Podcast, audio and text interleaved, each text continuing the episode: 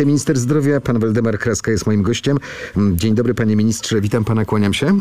Dzień dobry, witam. Panie ministrze, poproszę o aktualny raport dotyczący liczby zakażonych w Polsce.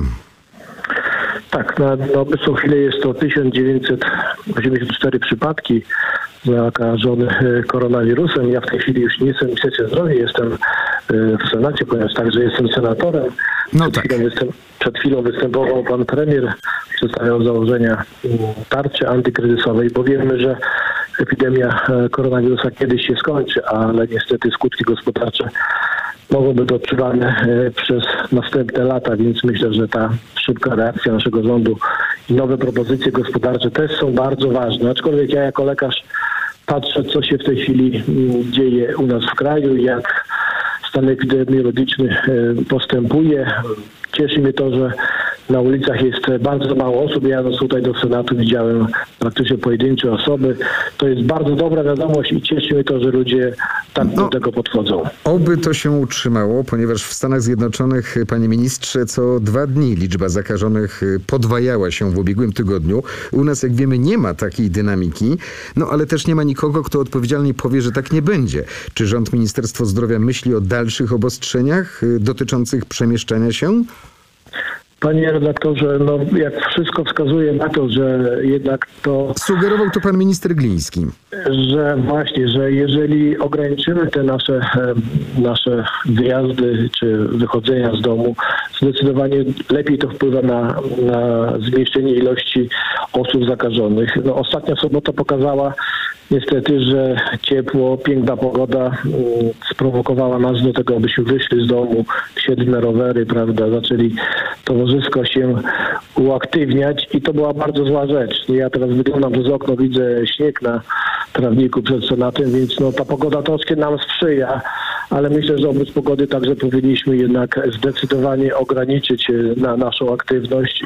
Myślę, że jutro będą kolejne restrykcje, które mm, no, także spowodują temu, temu, że coraz mniej będziemy aktywni. Panie ministrze, co zrobimy, bo musimy się liczyć y, z taką perspektywą. Mm, Co zrobimy, jeśli w pewnym momencie zapełnią nam się szpitale jednoimienne, e, gdzie położymy chorych zakażonych SARS-CoV-2 y, z poważnymi objawami? Panie rektorze, znaczy tak, miejsc w szpitalach jednoimiennych mamy przygotowanych mniej więcej około 10 tysięcy. To, to jest 19 szpitali, która w tej chwili posiada taką bazę e, w ilości 10 tysięcy miejsc. Tam jest przeznaczone 10% na tak zwane łóżko ojomowe, czyli które będą miały zapewnione e, respiratory. Jeżeli tych łóżek będzie za mało, liczymy się z tym, że taka sytuacja też może być. W następnym kroku mamy przygotowane tak zwane szpitale drugiego rzutu, czyli to są szpitale, które będą się przekształcały, e, podobnie jak szpitale jednoimienne, w szpitale przeznaczone dla osób e, zakażonych koronawirusem.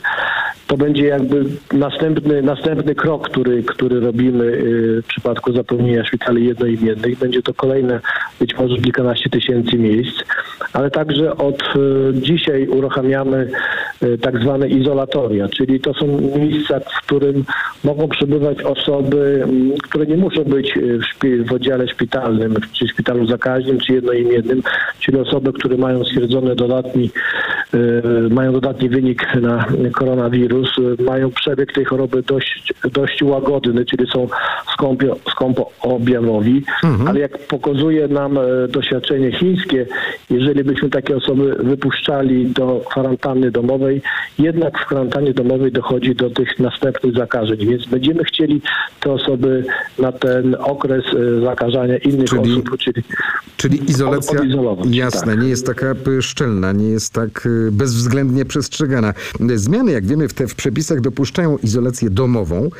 To nie jest kwarantanna. Izolacja dotyczy osób, y, u których stwierdzono y, zakażenie, ale y, przechodzą to zakażenie, chorobę łagodnie. Dużo mamy osób odizolowanych w tej chwili w warunkach domowych? No, to jest kilkanaście tysięcy, e, aczkolwiek to nie są tylko te osoby, które, u których jest, jest stwierdzone, stwierdzony no, taki wynik koronawirusa. Te osoby e, są z, z grupy wysokiego ryzyka. Nie u wszystkich te badania zostały, zostały wykonane. Ale właśnie dla tych osób, które mają już e, potwierdzony taki wynik koronawirusa, chcemy dedykować właśnie te izolatoria, żeby tam będzie pokój jednoosobowy, będzie wyżywienie, żeby w tym miejscu no, nie miały możliwości Ja, kontaktowania się z ja pytam, osobami. y, pytam, y, poruszyłem ten wątek, ponieważ y, słuchacze pytają, czy nie ma potrzeby informowania mieszkańców o tym, że na przykład y, w budynku mieszkalnym, w bloku jest osoba w izolacji, choć nie wiem, jakby to się miało do ustawy o ochronie danych osobowych.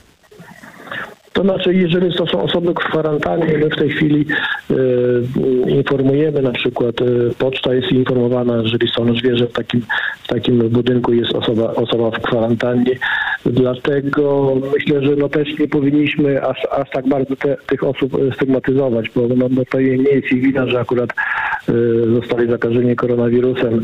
Jeżeli oczywiście będą przestrzegać e, tych zaleceń służby sanitarno-epidemiologicznej, czyli pozostając w domu, nie, nie kontaktując się z nikim, myślę, że jest szansa, aby nie dostało, nie, nie wystąpiło zakażenie e, sąsiadów czy osób bliskich. Jeszcze jedna sprawa, jeśli pan pozwoli. Profesor Andrzej Matyja, prezes Naczelnej Rady Lekarskiej, skomentował pismo mi Ministerstwa Zdrowia, e, wysłane niedawno, w którym ministerstwo zaleca konsultantom krajowym mm, kontrolowanie przekazywania informacji mediom opinii publicznej. E, Naczelna Rada Lekarska e, protestuje przeciwko takim e, działaniom. O co chodzi?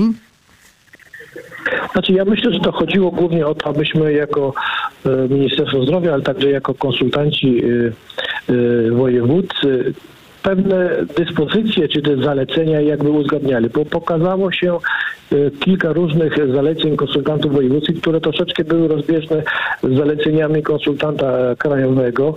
Dlatego chcieliśmy jakby ten, ten przekaz uspójnić, żeby on był e, jednolity. Nie zamykamy nikomu. Ale rozumiem, że, że to nie polega na tym, że, że lekarze nie będą mieli prawa informowania, co dzieje się no, w ich placówkach. Nie. nie, oczywiście, że nie. No, chcemy, żeby uspójnić ten proces jednakowych wytycznych, no, żeby nie w jednym, w każdym województwie była, była, była jedna ścieżka postępowania, a nie każdy konsultant wojewódzki miał pomysł, jak prawda, zapobiegać tej epidemii.